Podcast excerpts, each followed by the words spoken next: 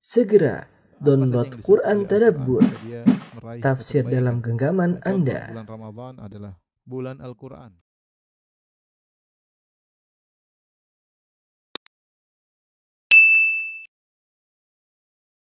Bismillahirrahmanirrahim. Assalamualaikum warahmatullahi wabarakatuh.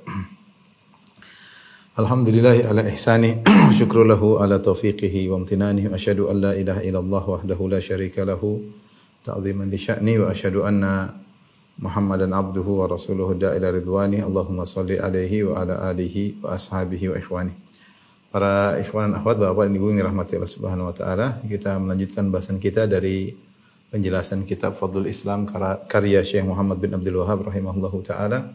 Dan kita masih pada bab yang kedua tentang bab uh, wujub dukhul fil Islam tentang wajibnya untuk masuk uh, ke dalam agama Islam.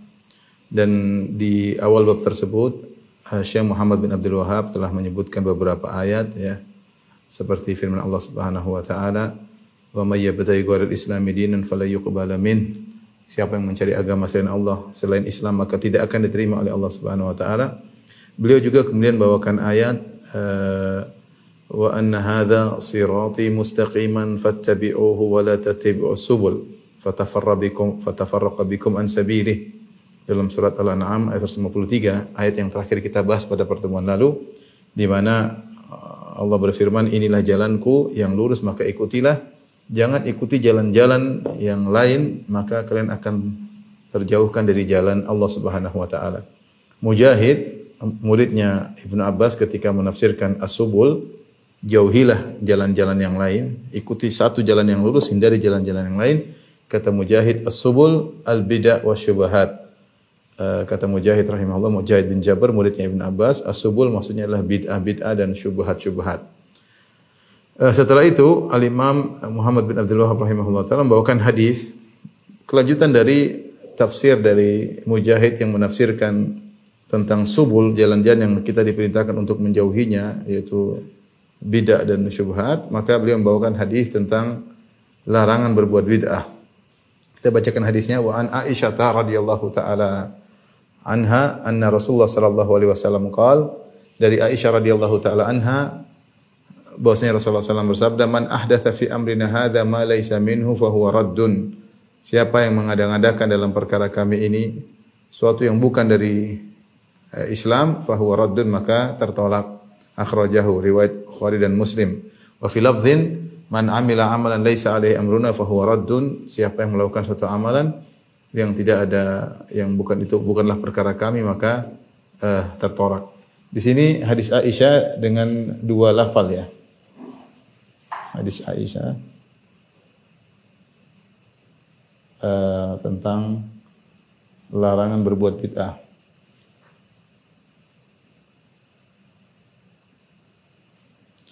Uh, hadis ini sebelum kita jelaskan hadis ini uh, dimasukkan oleh Imam Nawawi rahimahullah dalam Al-Arba'in An-Nawawiyah 42 hadis pilihan yang 40 dari tersebut disebut dengan uh, Jawami'ul Kalim hadis-hadis yang ringkas namun padat maknanya. Seakan-akan ribuan hadis maknanya kembali kepada 42 hadis tersebut. Jadi adalah kesimpulan daripada Islam. 42 hadis yang dikumpulkan Imam Nawawi dalam dalam Arba'in Nawawiyah adalah kesimpulan dari hukum-hukum Islam. Makanya siapa yang pelajari 42 hadis tersebut, dia akan memahami Islam secara global.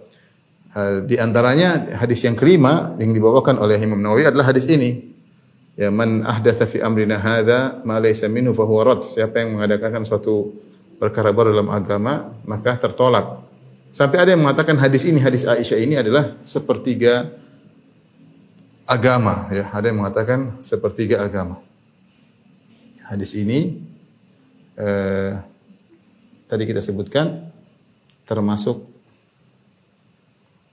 eh, intisari intisari agama. Bahkan ada yang mengatakan sepertiga agama. Karena agama dibangun di atas eh, tiga hadis. Ya, agama dibangun tiga hadis ya. Yang pertama adalah hadis innamal a'malu binniyat, amalan tergantung niatnya. Tergantung niatnya, hadis Umar bin Khattab. Kemudian hadis yang kedua adalah hadis ini Hadis yang kedua adalah hadis Aisyah, hadis yang kita bahas. Hadis Aisyah larangan berbuat bid'ah dan yang ketiga adalah hadis Nu'man. Hadis Nu'man yang Allah Nabi mengatakan innal halala bayyin wa innal harama bayyin wa bainahuma umurun musyabihat. Yang halal jelas, yang haram jelas di antaranya ada perkara-perkara yang syubhat. Artinya kata sebagian ulama siapa yang ingin menjalankan agama kembali kepada tiga hadis ini ya. ya tentang halal, haram, syubhat. Ini tentang larangan bid'ah. Larangan bid'ah. Maka seorang kalau ingin menjalankan agama kembali kepada tiga hadis ini. Perbaiki niatnya, perbaiki niatnya. Pertama, pertama dia perbaiki niatnya karena Allah. Yang kedua, jangan melakukan perkara yang di luar perintah, yaitu jangan berbuat bid'ah.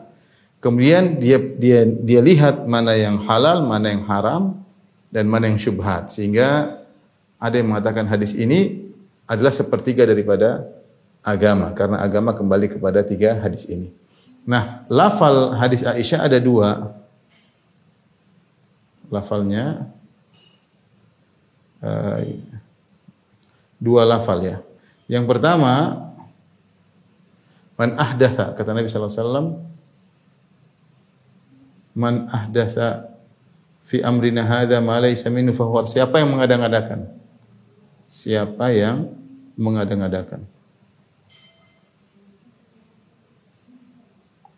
Perkara bid'ah itu sesuatu yang tidak malaysa minhu man ahdatha fi amrina hadza ma laysa minhu membuat perkara baru yang bukan dari perintah kami maka tertolak. Di sini berarti kreator dia. Ini kreator bid'ah. Dia apa? Pelopor, pencetus ya.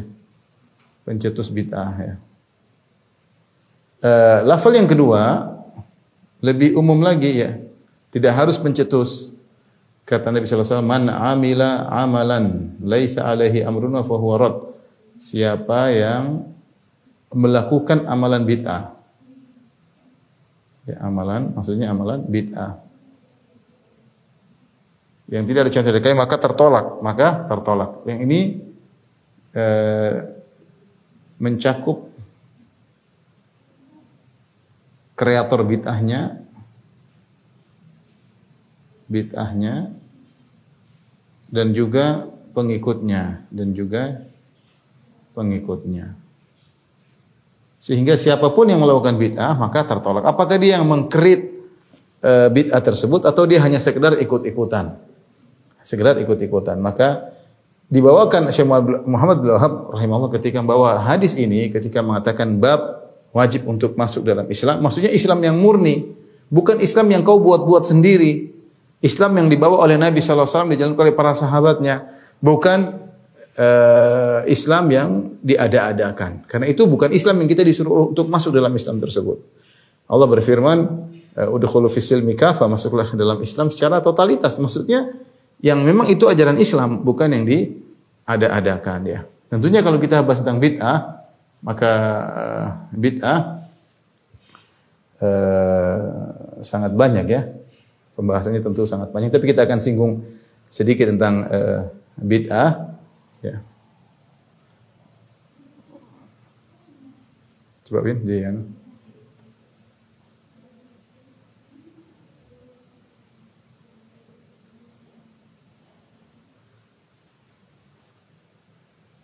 Baik. Bid'ah, pembahasannya tentu sangat luas tapi kita singgung sedikit sini. Bid'ah. Apa itu bid'ah? Bid'ah adalah perkara yang baru dalam agama yang tidak ada di zaman Nabi Shallallahu alaihi wasallam ya.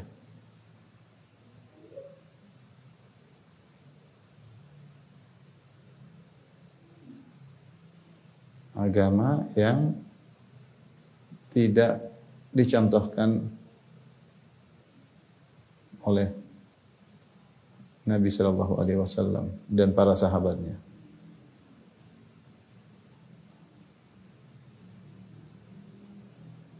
Imam Malik berkata, ya, man za'ama uh, man, man, man bid man istahsana bid'atan Waqad za'ama anna Muhammadan khana risalah. Ya.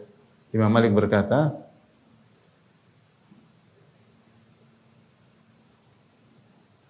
Mana- eh, suatu kalimat yang indah. Siapa yang memandang bid'ah itu baik, maka dia telah menuduh faqad za'ama anna Muhammad khada risalah, maka dia telah menuduh Muhammad telah mengkhianati risalah, ya. Kenapa? Eh, karena Allah telah mengatakan al-yauma akmaltu lakum dinakum atmamtu alaikum nikmati wa raditu lakumul islam madina. Pada hari ini telah aku sempurnakan agama bagi kalian. Apa yang dibawa oleh Muhammad itu sudah sempurna. Faman lam yakun yauma idzin dinan falan yakun al yauma din. Apa yang di zaman Nabi sallallahu alaihi wasallam bukan agama maka zaman sekarang juga bukan agama. Kata Imam Malik, apa yang di zaman Nabi sallallahu alaihi wasallam bukan agama maka hari ini sekarang juga bukan agama. Juga bukan agama. Nah, kita nggak boleh karena Islam sudah datang dengan sempurna. Karena Islam sudah sempurna ya. Karena Islam sudah sempurna. Sempurna dan tidak ada yang disembunyikan oleh Nabi. Ada yang disembunyikan oleh Nabi.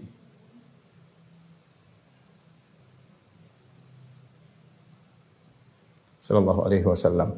Ada beberapa perkara yang eh, di yang dia perkara agama baru tapi dia tidak terkait dengan perkara-perkara ritual tapi dia terkait terkait dengan perkara-perkara uh, sarana. Ini saya, saya sering saya sampaikan ya. Nah, contoh seperti apa? Contoh seperti uh, pem, pembukuan Al-Qur'an, pengkodifikasikan kodifikasi Al-Qur'an. Ya, dulu Al-Qur'an di zaman Nabi sallallahu alaihi wasallam belum dibukukan. Kenapa belum dibukukan? Karena tidak mungkin dibukukan. Kenapa tidak mungkin dibukukan? Pertama karena ketika Nabi masih hidup Al-Qur'an masih terus turun. Dan ketika turun terkadang ayat diletakkan di bawah di surat tertentu, di tengah-tengah surat tertentu. Ya seperti di antara ayat-ayat yang terakhir turun wattaqu yauman turja'una fihi ila Allah. Hati, uh, waspadalah kalian dengan hari di mana kalian akan dikembalikan kepada Allah. Itu adalah di antara dari surat Al-Baqarah, di tengah-tengah surat Al-Baqarah. Ya, bukan berarti setiap ayat langsung harus urutan kita sesuai dengan kejadian uh, sejarah. Terkadang ayat tersebut diletakkan di tengah-tengah surat. Sehingga kalau dituliskan harus ada perbaikan-perbaikan terus, maka ketika itu belum di, dikumpulkan karena belum belum selesai uh, turunnya Al-Qur'an. Kemudian yang kedua ada nasikh dan mansukh. Ada ayat-ayat yang dihapuskan. Man nansakh min ayatin aw nunsiha na'ti bi khairin minha aw mithliha. Ada ayat-ayat yang dulu dibaca dimansuh dan dihilangkan, diganti dengan ayat yang lain. Sehingga di kodifikasi Al-Quran itu memang tidak bisa dikerjakan di zaman Nabi SAW. Nah, kapan Al-Quran selesai? Ketika Nabi sudah meninggal, sudah selesai. Tidak ada ayat lagi yang akan turun dan tidak ada lagi nasih dan mansuh. Maka setelah itu, di zaman Abu Bakar ada yang punya ide untuk uh, membukukan Al-Quran, namun itu dirasa berat oleh Abu Bakar. Abu Bakar merasa Bagaimana saya melakukan sesuatu yang tidak dikerjakan oleh Nabi. Itu pun padahal boleh, itu cuma sarana. Al-Quran dibuku itu sarana, bukan ritual. Ritualnya kita baca Al-Quran. Di antara sarana membantu kita untuk baca Al-Quran, Al-Qurannya di, dikumpulkan. Itu pun para sahabat berat untuk melakukannya karena tidak terjadi di zaman Nabi Shallallahu Alaihi Wasallam. Nah, ini namanya masalah mursalah. Sebagian orang menamakan dengan bid'ah hasanah. Bid'ah hasanah. Selama pembahasan bid'ah hasanah terkait dengan sarana, maka itu hanyalah uh, sisi beda penamaan ya. Contoh lagi misalnya uh, seperti disebutkan oleh Al-Iz bin Abdissalam, contoh-contoh bid'ah hasanah seperti ilmu nahu, ilmu nahu sorof. Ilmu nahu sorof adalah ilmu yang tidak ada di zaman Nabi SAW. Tetapi dia adalah hanyalah sarana untuk agar kita bisa belajar bahasa Arab. Nah ilmu tersebut adalah bid'ah hasanah. Ya, di zaman Nabi tidak perlu. Kenapa? Para sahabat semua jago bahasa Arab. Ketika seorang semakin jauh dari zaman risalah, dari zaman kenabian, butuh ilmu yang agar bisa mengkokohkan bahasa Arab. Ilmu tersebut muncul belakangan namanya ilmu nahwu dan ilmu saraf. Apa ini disebut? Mereka kita sebut namanya masalah mursalah. Itu kemaslahatan yang diperbolehkan. Ya, masalah mursalah. Ya. Uh, tidak pernah dibahas, tapi kita paham ini hanyalah sarana untuk suatu ritual agar kita bisa ngerti bahasa Arab. Dia bukan tujuan, tapi dia adalah sarana.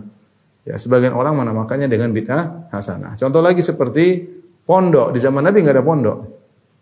Pondok tujuannya apa? Tujuannya agar bisa belajar agama. Belajar agamanya sudah ada di zaman Nabi. Cara untuk belajar agama zaman sekarang dengan dibuat pondok. Pondok adalah bid'ah hasanah menurut sebagian orang. Kalau kita tidak namakan bid'ah hasanah, kita mengatakan ini hanyalah masalah mursalah, hanyalah sarana untuk mencapai suatu yang disyariatkan. Adapun sesuatu yang syariat tersebut semua sepakat bahwasanya belajar agama, hafal Quran dituntut dalam uh, syariat. Contohnya juga ilmu jarah wa ta'dil. Ilmu jarah wa ta'dil ini disebutkan ini contoh semua disebut oleh Al-Is bin Abdus Salam dalam uh, apa namanya? kitabnya Qaidul Ahkam fi Masalihil Anam. Uh, contohnya ilmu jarah wa ta'dil. Ilmu jarah adalah ilmu yang me, me, me, memeriksa para perawi, kredibilitas para perawi. Perawi ini berhak sikoh atau dhaif atau kadzab atau matruk. Bagaimana eh, kredibilitas sang perawi? Apakah periwayatan yang bisa diterima atau tidak? Itu namanya ilmu jarah wa ta'dil. Yaitu jarah artinya mencela sang perawi atau ta'dil yaitu merekomendasi sang perawi. Ya. Karena se seorang perawi harus ada nilai dari para ulama. Tidak semua orang boleh meriwayatkan hadis. Ilmu ini di zaman Nabi tidak ada. Kenapa tidak ada? Karena tidak perlu para sahabat dengar langsung dari Nabi SAW. Para sahabat dengar langsung dari Nabi SAW. Ketika zaman semakin jauh dari Nabi, kemudian berita dari Nabi SAW melewati beberapa perawi, maka perlulah ilmu jarah wa ta'dil. Ilmu untuk mengetahui hadis ini bisa diterima atau tidak karena perawi-perawi tadi harus diperiksa. Ini namanya ilmu jarah wa ta'dil. Ilmu ini dia bukan secara bahasa dia sebenarnya dia bukan secara syar'i dia bukan bid'ah. Tapi karena dia adalah suatu perkara dalam masalah agama yang baru ada yang dulu tidak ada, maka sebagian ulama seperti ulama Syafi'iyah menamakannya sebagai bid'ah hasanah. Siapa di antaranya Ali bin Abdul Salam diikuti oleh Nawawi dan sebelumnya Imam Syafi'i. Mereka membuat istilah bid'ah hasanah. Bid'ah hasanah itu kalau kita lihat contoh-contohnya terkait dengan sarana, bukan bukan tujuan, ya. bukan tujuan, bukan bikin ibadah baru, bukan bikin akidah baru, bukan. Yang disebut oleh Ali bin Abdul Salam ketika mencontohkan bid'ah-bid'ah sana tadi bahas masalah sarana bikin pondok, bikin jembatan, ilmu jarah wa ta'dil, ilmu nahu dan saraf ya. E, misalnya kodifikasi Al-Qur'an ini semua adalah sarana ya. Dan itu kita tidak berselisih entah mau dinamakan maslahat mursalah menurut kita itu bukan bid'ah kan itu adalah adalah sekadar sarana menurut sebagian ulama menganggap itu sebagai bid'ah hasanah karena dia terkait dengan perkara agama yang datang setelah Nabi Shallallahu alaihi wasallam. Tapi yang jadi masalah adalah membuat ritual baru yang tidak ada di zaman Nabi Shallallahu alaihi wasallam atau merubah suatu ibadah yang harusnya begini ditambah-tambahin ya. Itu yang jadi uh, masalah ya. Taib. Uh, sehingga uh, kalau kita mau bagi bid'ah ya, pembagian bid'ah.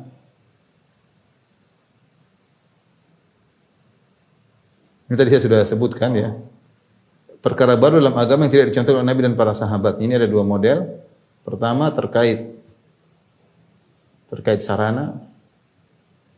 Yang kedua terkait tujuan atau ritual, tujuan atau ritual inti.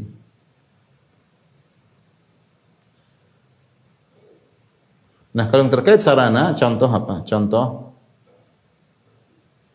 uh, atau tadi kita sebutkan contoh-contohnya seperti kodifikasi Al-Qur'an, ilmu soraf, jarawat ta'dil, ilmu nahu, pondok, ini semua sarana. Maka uh, di sini ada yang ada yang menamakan menamakannya dengan maslahal mursalah atau ada yang menamakan dengan sunnah al-hasanah. Dan ada yang menamakan juga ada ulama yang menamakannya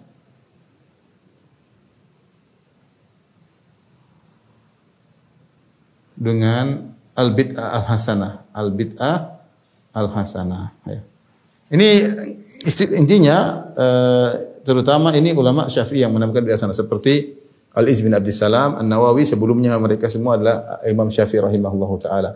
Adapun menamakan sunnah al-maslah al-mursalah sunnah hasanah seperti uh, apa namanya Asy-Syatibi rahimahullahu taala, kemudian uh, demikian juga diikuti oleh atau Ibn Taimiyah rahimahullahu taala ya dan juga sebagian ulama ya yang lain. Tapi kita sepakat ini boleh, ini enggak ada masalah, terserah. Ini disepakati boleh.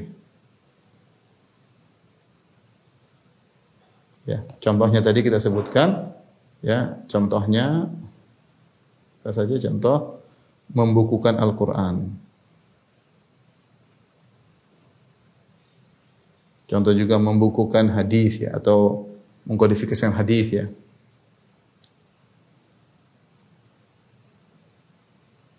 Contohnya pondok. Contohnya ilmu uh, nahu saraf. Contohnya ilmu jarh wa ta'dil. Al-jarh wa at-ta'dil. Dan lain-lain ya. Kalau kita zaman sekarang mikrofon untuk azan. Apa sih ritual azan? Ritual azan adalah azan dengan suara yang keras. Karenanya ketika Abdullah bin Zaid bermimpi tentang azan, dia sampaikan kepada Nabi. Maka Nabi bilang ini azan yang benar dan Umar ternyata mimpi yang sama. Tapi bukan Abdullah bin Zaid yang disuruh azan, tapi Rasulullah mengatakan al-kihi ala Bilal, wahai Abdullah bin Zaid ajarkanlah kepada Bilal. Kenapa? Fa innahu anda sautan minka. Ya, karena dia lebih suaranya lebih keras daripada daripada engkau. Ya, oleh karenanya adzan disyariatkan untuk dikeraskan suara ya. Ini ritualnya. Nah, sarananya bisa bermacam-macam. Dia bisa pakai mikrofon, bisa pakai toa, bisa pakai nah, itu sekedar sarana ya, sekedar sarana. Ya sama seperti kita sekarang kita taklim. Zaman Nabi sudah ada taklim. Ada Nabi mengajar, menyampaikan ayat-ayat hadis-hadis. Sarana macam-macam kita bisa pakai Zoom, bisa pakai YouTube, bisa pakai ini sekedar sarana. Ini tidak jadi masalah. Kita tidak sedang membuat ritual baru. Yang jadi masalah ini yang jadi problem di sini ketika terkait dengan ritual baru ya, ritual baru. Ya, seperti misalnya uh, dicontohkan oleh Imam Nawawi rahimahullah yang dicontohkan oleh Imam Nawawi, yang dicontohkan oleh Imam Nawawi yang tidak boleh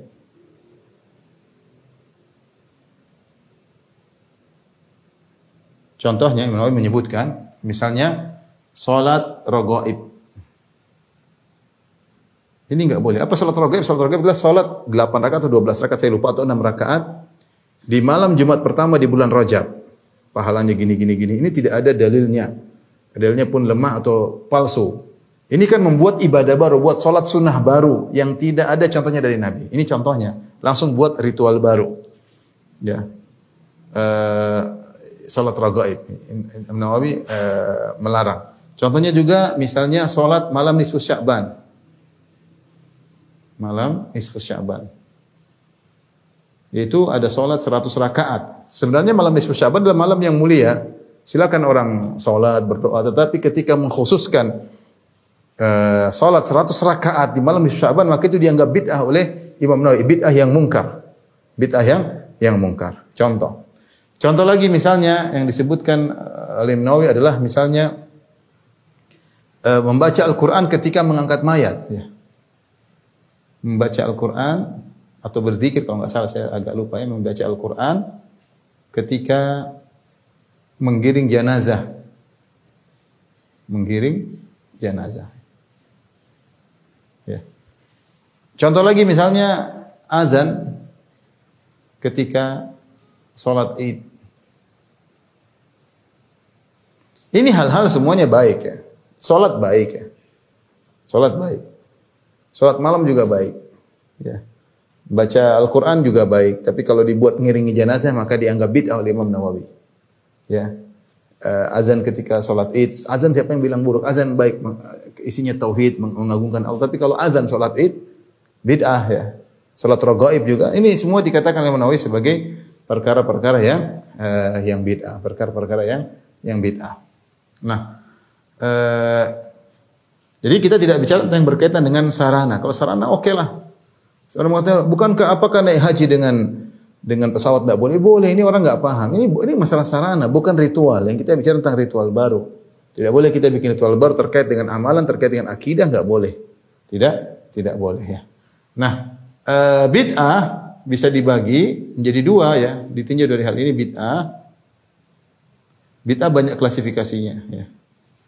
Kita tulis di sini klasifikasi klasifikasi bid'ah.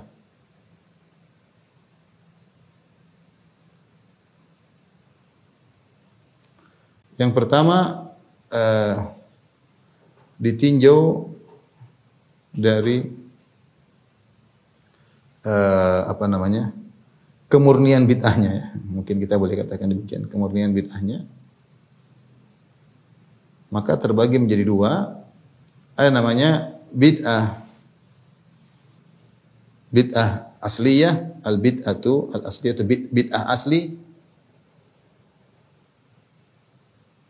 Itu yang benar-benar tidak ada contohnya dari Nabi. Ya, asal memang bid'ah. Ada namanya disebut bid'ah idhofiyah, bid'ah tambahan. Bid'ah eh, tambahan atau kreasi bid'ah eh, tambahan. Maksudnya apa? Bid'ah yang benar-benar memang tidak ada, Nabi tidak pernah melakukannya. Seperti tadi contohnya apa? Salat raghaib ini contohnya tadi, ya. Rasulullah SAW tidak pernah melakukannya sama sama sekali. Bid'ah tambahan maksudnya apa? Asal ibadahnya ibad, asal ibadahnya adalah syar'i. Ibadahnya syar'i namanya bid'ah idafiyah adalah syar'i namun dimodifikasi, namun dimodifikasi. Ini maksudnya. Bid'ah tambahan. Contoh ya, ya. Berzikir dengan cara tertentu. Berzikir dianjurkan. Tapi berzikir dengan cara tertentu yang jadi masalah. Berzikir dengan cara tertentu.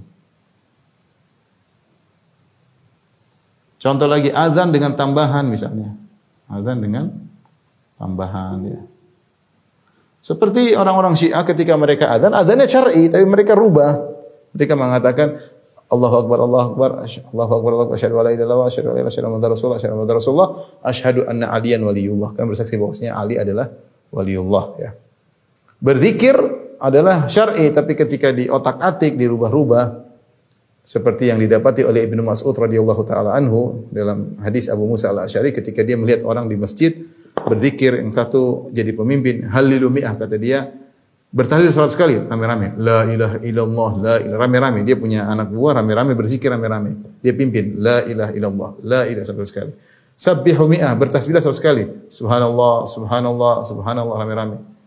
Eh, kemudian eh, bertahmid juga seratus kali. Alhamdulillah, alhamdulillah. Itu diingkari oleh Ibnu Mas'ud. Ibnu Mas'ud berkata, uh, innakum uh, apa apa namanya uddu sayyiatikum kata kata Ibnu Ibnu Abbas Ibnu Mas'ud hitung aja keburukan-keburukan kalian. Kata mereka ketika ditegur oleh Ibnu Mas'ud mereka mengatakan ma nuridu illa khairan. Ya Abu Abdurrahman wahai Ibnu Mas'ud kami tidak melakukan ini kecuali kami ingin kebaikan.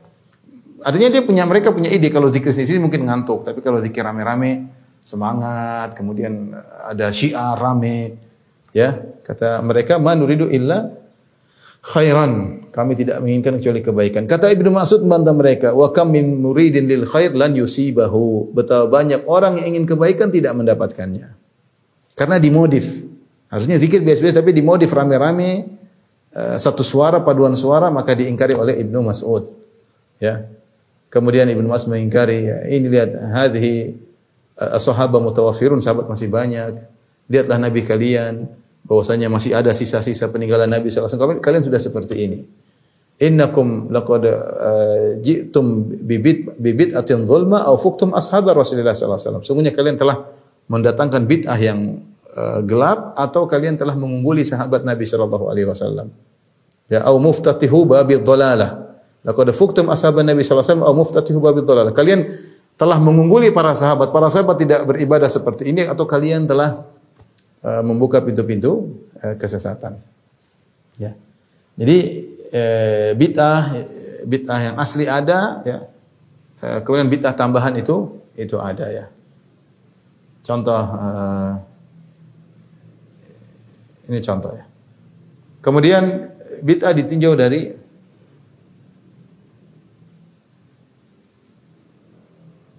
ditinjau dari jenis uh, amalnya ya.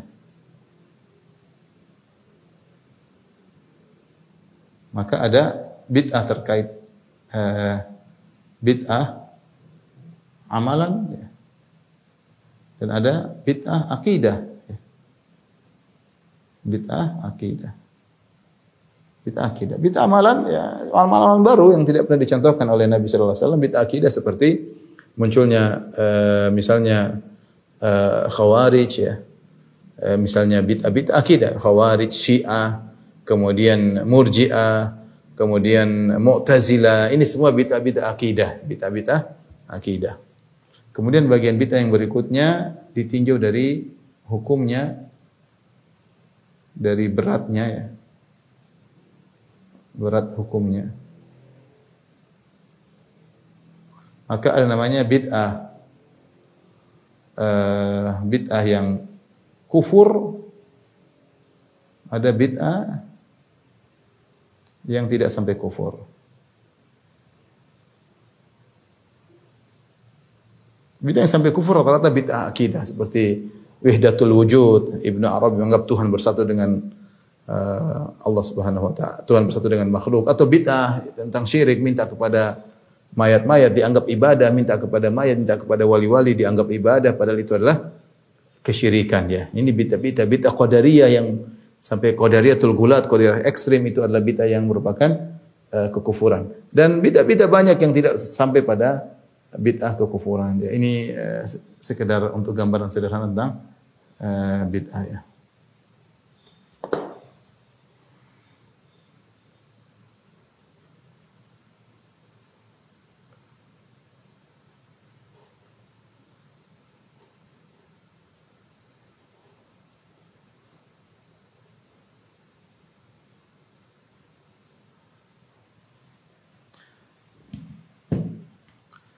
Baik, kita lanjutkan eh,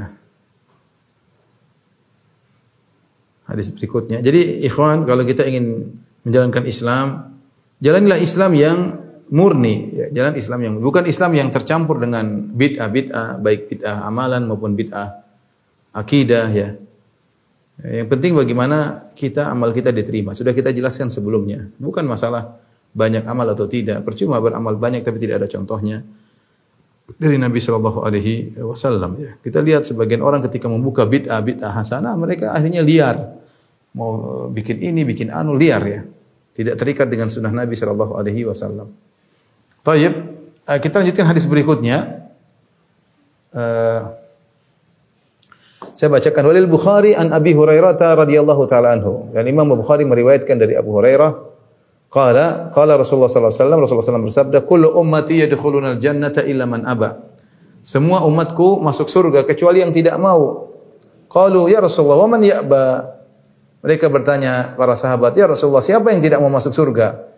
Kata Rasulullah SAW, "Qala man ata'ani dakhala al-jannah." Siapa yang taat kepadaku masuk surga, "Wa man asani faqad aba." Siapa yang bermaksiat kepadaku maka dia telah enggan masuk surga. Ya.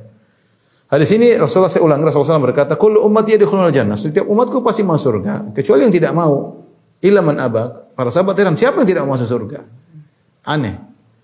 Ya, semuanya ingin masuk surga, tapi Rasulullah SAW menjelaskan, yang mau masuk surga man ata'ani dakhalal jannah. Yang taat kepadaku masuk surga, wa man asani faqad aba. Yang bermaksiat kepadaku ya pada hakikatnya dia tidak ingin masuk surga. Pada hakikatnya tidak ingin masuk surga. Hadis ini dibawakan oleh Imam Al-Bukhari dalam kitab Al-I'tisam bil Kitab wa Sunnah.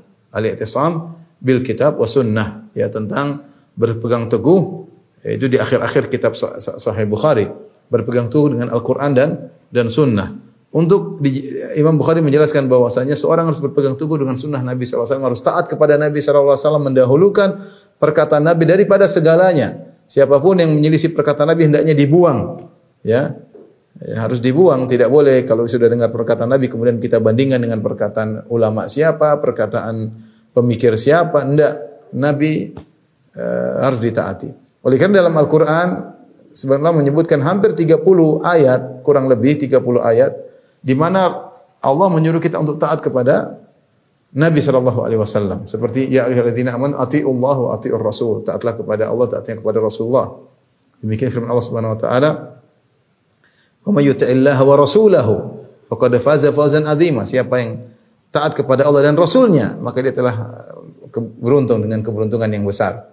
Seperti juga uh, firman Allah Subhanahu wa taala, wa may yuti'ir rasula faqad ata Allah. Siapa yang taat kepada Rasulullah sungguh taat kepada Allah. Siapa yang taat kepada Rasulullah maka dia telah taat kepada Allah Subhanahu wa taala.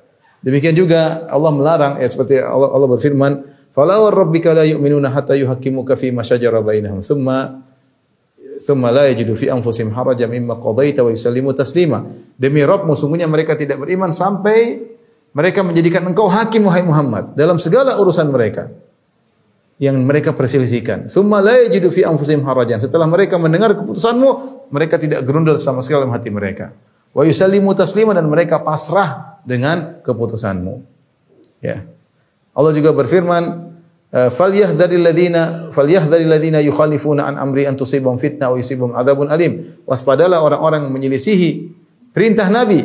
Ya, mereka akan ditimpa dengan fitnah atau ditimpa dengan adab yang pedih. Jadi ayat yang menyuruh kita taat kepada Rasulullah SAW sekitar 30 ayat. Ma wa ma rasul fakhudhu apa yang dibawakan oleh Nabi maka ambillah. Wa ma nahakum anhu fantahu. Ya, dan apa yang Rasulullah larang maka berhentilah.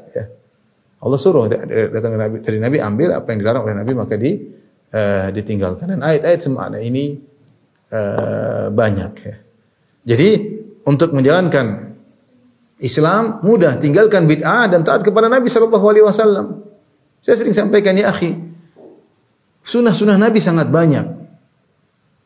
Kita mau jalankan semuanya kita nggak mampu. Ngapain kita mengerjakan suatu perkara-perkara yang tidak jelas? Yang sunnah Nabi saja sangat banyak belum bisa kita kerjakan.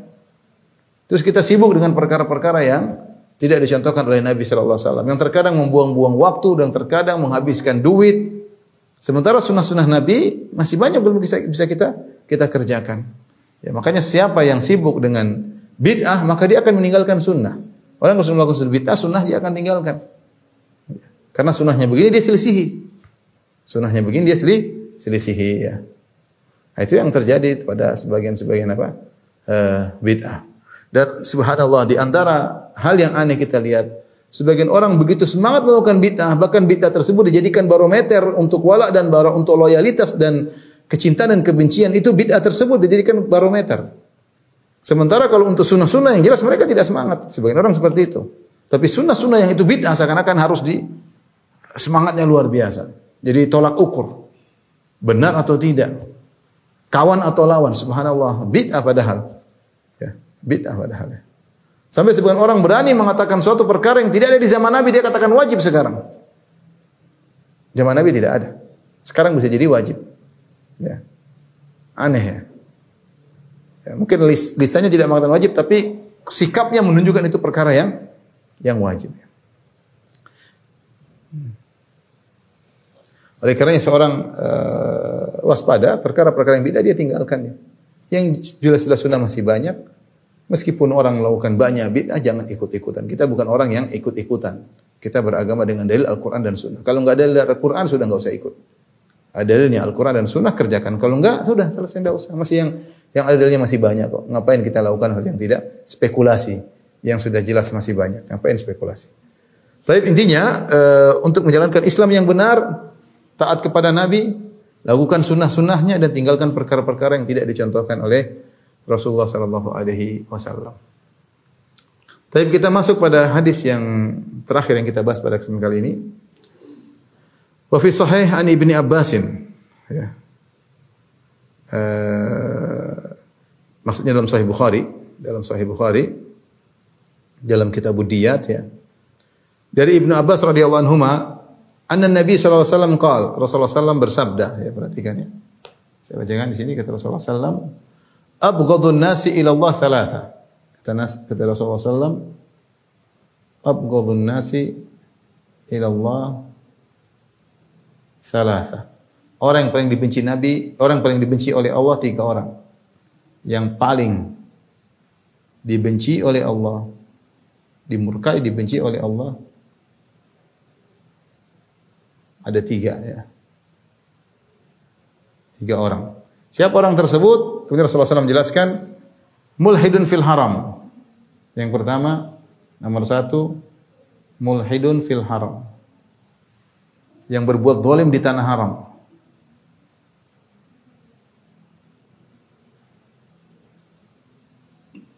Di tanah haram.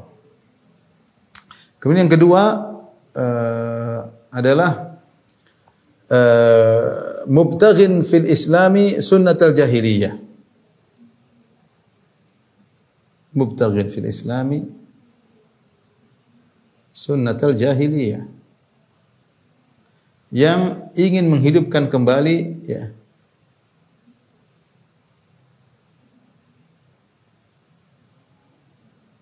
kembali dalam Islam sunnah-sunnah tradisi-tradisi jahiliyah. Jahiliyah. Dibenci oleh Allah Subhanahu wa taala. Nomor dua. Nomor tiga adalah uh, dami imri'in muslim bi ghairi haqqin. Muttalibu dami imri'in muslim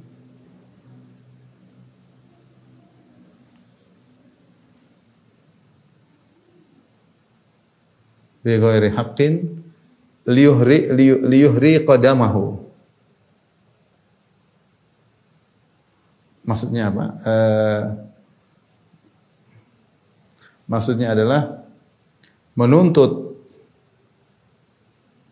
darah uh, seorang muslim tanpa hak.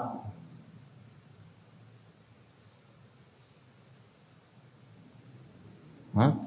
Agar ditumpahkan darahnya.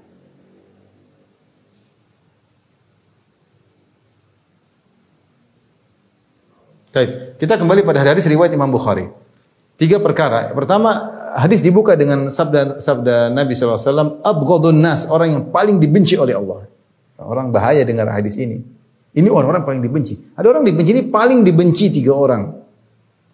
Bukan kebencian bertingkat-tingkat. Dan kita tahu Allah punya sifat mencintai dan Allah juga punya sifat membenci. Sifat benci dalam Al-Quran banyak.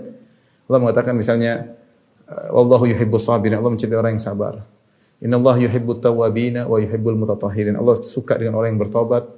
Uh, dan Allah suka dengan orang-orang yang bersuci. Wallahu yuhibbul muhsinin. Allah uh, apa namanya? mencintai orang-orang yang berbuat ihsan. Jadi Allah mencintai. Lawan mencintai membenci. Dalam Al-Quran juga ada Allah membenci seperti firman Allah Subhanahu wa taala, ya ayyuhalladzina amanu lima taquluna ma la taf'alun kabura maqatan indallah. Wahai orang beriman, kenapa kalian mengucapkan apa yang tidak kalian kerjakan? Sungguh besar kemurkaan Allah kepada pada kalian ya. Dan dalam hadis juga banyak Allah membenci, Allah membenci banyak ya. Ada ada ada orang yang Allah benci, ada tempat yang Allah benci ya, dan ada perbuatan yang Allah benci, ada. Jadi Allah memiliki sifat benci. Dan kita ahlu sunnah wal jamaah meyakini itu sifat Allah subhanahu wa ta'ala, sifat fi'liyah. Allah bisa mencintai dan Allah bisa membenci. Yang dibenci bisa orangnya, bisa suatu tempat, tempat maksiat, bisa jadi perbuatan. Nah, di antara orang-orang yang dibenci, bahkan yang paling dibenci, abghadu an-nasi ilallah, yang paling dibenci. Ketika mendengar Rasulullah SAW mengatakan demikian, makanya kita waspada, jangan sampai terjerumus dalam seperti tiga orang ini yang sangat dibenci oleh Allah. Abghadun nasi ilal salasa. Orang yang paling dibenci ilallah tiga orang yang paling dibenci oleh Allah. Yang pertama, mulhidun fil haram. Yang melakukan ilhad di tanah haram. Tanah haram di sini ada yang mengatakan mencakup tanah Mekah dan tanah Madinah. Tanah Mekah al-haramul makki dan Madinah al-haramul madani. Dua-duanya tanah haram. Kata Nabi Muhammad SAW, Inna allaha, uh, inna Ibrahim harrama makkata. Ya. Wa inni haramtul Madinah kama harrama Ibrahim Makkah. Sungguhnya Ibrahim telah mengharamkan tanah Mekah itu dengan izin Allah tentunya. Dan aku mengharamkan tanah Madinah sebagaimana Ibrahim mengharamkan tanah Mekah. Maka berlakulah hukum-hukum tanah Mekah haram dan tanah Mekah Madinah. Tanah haram cuma dua. Adapun Masjidil Aqsa bukan tanah haram, apalagi uh, Karbala lebih lagi bukan tanah tanah haram. Sementara orang Syiah menganggap Karbala lebih afdal daripada Mekah lebih afdal daripada Mekah. Makanya ziarah di kuburan Husain di tanah Karbala seperti 20 kali haji kata uh, apa namanya orang-orang Syiah. Dan tidak boleh juga seorang mengatakan Salithul Haramain, Masjid Aqsa adalah tanah haram yang ketiga. Itu juga ungkapan yang salah. Tanah haram cuma dua, Mekah dan dan Madinah. Mekah lebih spesifik lagi. Datang ayat secara khusus dalam surat Al-Hajj, "Wa man yurid fihi bi ilhadin bi dzulmin min adzabin alim." Siapa yang ingin berbuat ilhad di tanah haram Mekah, kami akan berikan dia adab yang pedih, mengerikan. Sampai sebagian salah berpendapat seorang baru niat saja meskipun dia son, dia di Son'a di Yaman, dia punya niat untuk melakukan keburukan di kota Mekah sudah dicatat dosa, baru niat sudah dicatat dosa, belum melakukan. Apalagi kalau kalau melakukan karena Allah mengatakan waman yurid fihi bi ilhadin bidzulmin. Siapa yang ingin melakukan kezaliman di tanah haram, maka kami berikan dia adab yang yang pedih. Oleh karenanya para ulama sepakat bahwasanya berbuat dosa di tanah haram maka dosanya semakin besar ya. ya. Dan pendapat yang kuat bahwasanya tidak tidak dilipat gandakan tapi kualitas siksaannya lebih besar. Ya. Dosa di tanah haram kualitas hukumannya lebih lebih eh, berat ya karena tanah haram tidak sama dengan tanah-tanah yang yang lainnya. Tanah yang spesifik yang telah Allah pilih.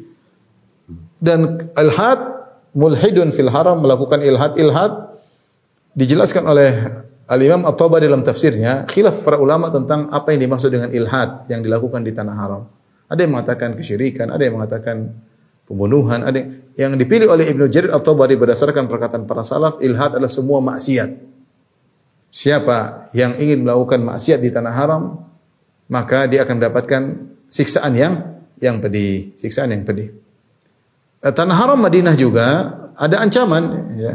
Kata Nabi SAW, Al-Madinatu haramun baini thawr wa air. Sungguhnya Madinah itu tanah haram antara Jabal Thawr yang ada di belakang Jabal Uhud dengan Jabal Air yang ada di uh, dekat uh, apa Zulhulaifa, Bir Ali kata orang. Itulah tanah haram. Kemudian kata Nabi sallallahu alaihi wasallam, "Man ahdatha fiha hadathan aw awa fihi muhdithan fa alaihi la'natullah wal malaika wan nasi ajma'in la yaqbalullahu minhu sarfan wal adlan." Siapa yang melakukan hadas di kota Madinah. Hadasnya ada yang mengatakan bid'ah, ada yang mengatakan kesyirikan, ada yang mengatakan kezaliman. Intinya dosa-dosa yang parah.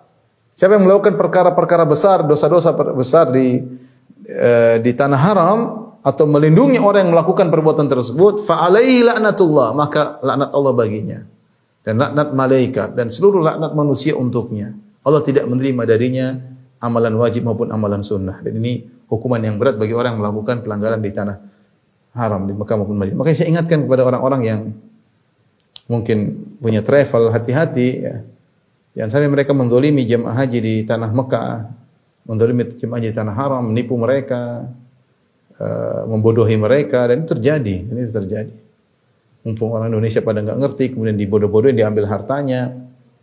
Waliyadzubillah ya. Seperti menjual kambing ternyata tidak ada kambingnya dan ini terjadi sering. Sampai saya pernah ketemu seorang dia apa mengeluh. Dia bilang Ustaz saya tadi diajak melihat kambing. Kambing kita akan dipotong. Kita lagi nonton tahu-tahu ada grup lain datang. Ternyata kita cuma disuruh nonton aja. Ternyata itu kambingnya grup yang lain. Kambing orang-orang luar waktu itu. Jadi penipuan seperti ini banyak. Ini mengerikan. Berbuat kezaliman. Bahkan kepada tamu-tamu Allah Subhanahu wa taala. Makanya banyak di antara mereka yang kemudian memang jaya sesaat kemudian di ujungnya hancur Sebagian mereka seperti itu, jaya sesaat mungkin bertahun, kemudian akhirnya hancur dunia. Kenapa? Karena mereka mendolimi tamu-tamu Allah. Mereka mendolimi tamu-tamu Allah, mendolimi jamaah haji, jamaah umrah. Maka waspada. Di tanah haram lagi mereka, bukan mendolimi di Jakarta. Bukan didolimi, didoliminya di tanah haram di Mekah atau Madinah. Maka peringatan keras bagi kawan-kawan yang uh, punya travel uh, itu bagus melayani tamu-tamu Allah, tapi pelayan yang baik kalau salah minta maaf bukan untuk menzalimi para tamu-tamu Allah tersebut karena bahaya. Yang kedua, yang juga sangat dibenci oleh Allah Subhanahu wa taala, mubtagin fil Islami sunnatul jahiliyah. Yang ingin melakukan menghidupkan mulai tradisi-tradisi jahiliyah. Apa tradisi jahiliyah? Tradisi jahiliyah semua yang menyelisih Islam, itu tradisi jahiliyah. Ya, tradisi jahiliyah ya. Semua yang menyelisih Islam namanya tradisi jahiliyah. Apakah tradisi tersebut terkait dengan tradisi Yahudi, tradisi Nasrani, tradisi musyrikin Arab, tradisi orang-orang musyrik dari apa bangsa-bangsa terdahulu sebelum datangnya Islam, itu semuanya tradisi jahiliyah menyelisih Al-Quran Sunnah. Maka siapa yang mencari-cari ingin menghidupkan kembali tradisi ini sangat dimurkai oleh Allah Subhanahu Wa Taala. Lihatlah bagaimana susahnya dakwah Nabi SAW dan para sahabatnya. Dahulu di Jazirah Arab sebelum Nabi berdakwah, Allah murka dengan penduduk bumi. Dalam Sahih Muslim kata Nabi SAW, Inna Allah maqata ala ahli al-ardi, Araba mu'ajamahum. Ya, Allah murka kepada penghuni bumi yang Arab maupun non Arab. Illa baqaya min ahlul kitab. Kecuali segelintir kecil dari ahlul kitab. Kenapa? Kerusakan terjadi di Jazirah Arab, di Mekah, jahiliyah. Ya, jahiliyah, perkelahian antar suku, pembunuhan, anak-anak perempuan dikuburkan, kesyirikan menyembah berhala, eh, hewan-hewan dikeramatkan, perdukunan, ya. Kemudian jimat-jimat tersebar, ya. Tatoyur, pamali-pamali tersebar, ya Subhanallah berbagai macam model kesyirikan ada di perzinahan, terbukanya aurat ya. Terjadi di di di, di, di Mekah semuanya jahiliyah, tradisi jahiliyah. Kemudian Nabi berdakwah dengan dengan beratnya berdakwah sampai diusir dari Mekah sampai ke Madinah, kemudian balik lagi ke Mekah dalam Fatu Mekah. Sampai Nabi berhaji di Mekah. Ketika Nabi berhaji di Mekah setelah berapa tahun? Setelah 20 23 tahun berdakwah. Karena Nabi haji pada tahun 10 Hijriah kemudian tahun 11 Hijriah beliau meninggal. Setelah 23 tahun berdakwah atau 22 tahun berdakwah Nabi kemudian di ketika haji Nabi berkhutbah di hadapan para jamaah haji, para sahabat sekitar 100 ribu, 120 ribu. Kata Nabi SAW, Ala inna kul amril jahiliyah, ya, kul amrin min umuril jahiliyah, mawdu'un tahta qadamayya ini. Ketahuilah seluruh perkara jahiliyah terbuangkan di bawah kedua kakiku ini. Tidak ada lagi perkara jahiliyah. Kemudian tersebarlah Islam, tersebarlah akhlak, tersebarlah rasa malu di antara para wanita, orang-orang jauh dari kesyirikan, orang jauh daripada khurafat, Orang-orang jauh daripada tatoyur-tatoyur, pamali-pamali, macam-macam halnya.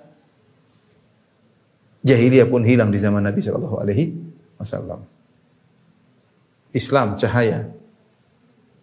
Minadz zulumati ila nur. Allah keluarkan dengan Nabi Muhammad sallallahu alaihi wasallam manusia dari kegelapan menuju terang benderang. Setelah Islam tersebar, kemudian ada orang-orang mulai musik-musik pingin nebarkan kembali tradisi jadi dihidupkan kembali. Tradisi kesyirikan, tradisi buka aurat, mau dihidupkan kembali di negeri Islam. Ini orang sangat dimurkai oleh Allah Subhanahu wa taala. Sangat dibenci oleh oleh orang seperti ini. Dengan alasan ini tradisi nenek moyang kek, dengan alasan ini adalah eh, sumber pariwisata kek, ini semua ingin menghidupkan kembali kesyirikan, khurafat-khurafat ingin dihidupkan lagi, pencari tradisi jahiliyah untuk dihidupkan di tengah kaum muslimin, ini orang paling dibenci oleh Allah Subhanahu wa taala. Jadi boleh ketawa-ketawa sekarang nanti dibenci oleh Allah. Nabi yang bilang dalam Sahih Bukhari. Eh, mubtagin fil islami sunnatul jahiliyah. Ingin menghidupkan kembali sunnah jahiliyah.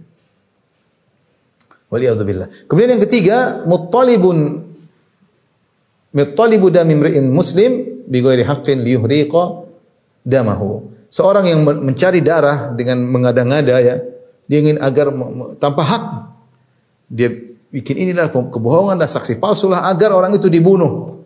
Intinya dia membunuh tanpa hak. Berbahaya. Di antara perkara kezaliman yang sangat besar adalah membunuh, menumpahkan darah orang yang tidak, berhak untuk ditumpahkan darahnya. Orang tidak semua orang melakukan kemaksiatan harus ditumpahkan darahnya, enggak. Pencuri taruhlah dia mencuri dipotong tangannya bukan dibunuh. Ya. Kemudian kita lihat di tanah di tanah air kita terkadang hal-hal yang aneh-aneh gara-gara perkara kecil kemudian dibunuh. Gara-gara terkadang ribut gara-gara bola sampai ada yang dibunuh. Waliyadzubillah, jahiliyah. Ya.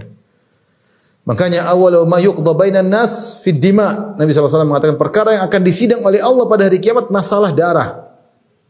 Sampai dalam hadis disebutkan bagaimana al-maqtul eh, apa ya'ti yaumul qiyamah muta'alliqan ra'sahu bi ihdayadayya seorang yang terbunuh dengan kezaliman pada hari kiamat kelak dia akan pegang kepalanya, kepalanya lepas dia pegang sampai bercucuran darah. Tangan satunya pegang pembunuhnya. Dia mengatakan, "Ya Rabbi, hadza qad qatalani." Dia pegang dia mulutnya bicara, "Ya Rabbku, ini orang telah membunuh saya." Kepalanya berlumuran darah. Sidang di hari kiamat kelak. Waliyadzubillah. Ya. Seorang jangan sampai menumpahkan darah orang lain ya. Dan terlalu banyak larangan tentang hal tersebut. Ya. Eh, tentunya bahasanya tersendiri. Tapi intinya inilah tiga orang yang sangat dibenci oleh oleh uh, Allah Subhanahu wa taala dan ini semuanya merusak Islam. Yang poin poin paling penting ini yang merusak Islam murni, merusak kemurnian Islam.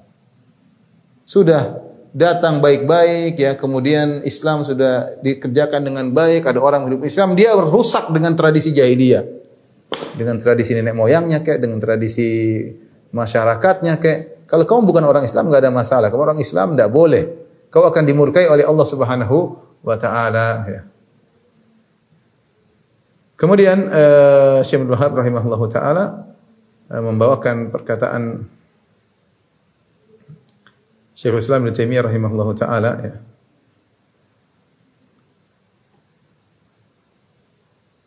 Qala Syekhul Islam Ibnu Taimiyah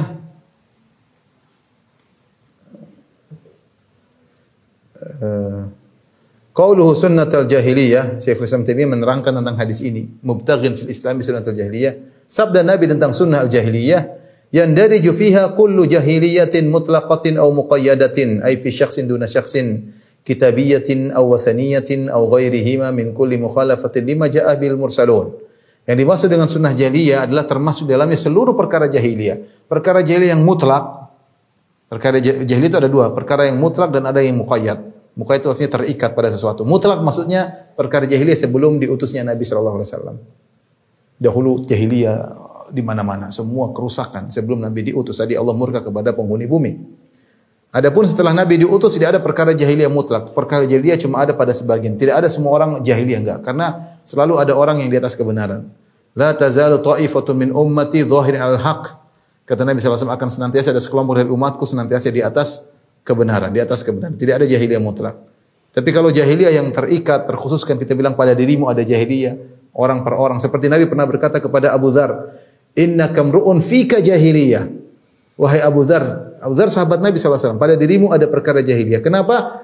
Karena Abu Dhar mencela seorang dengan ibunya.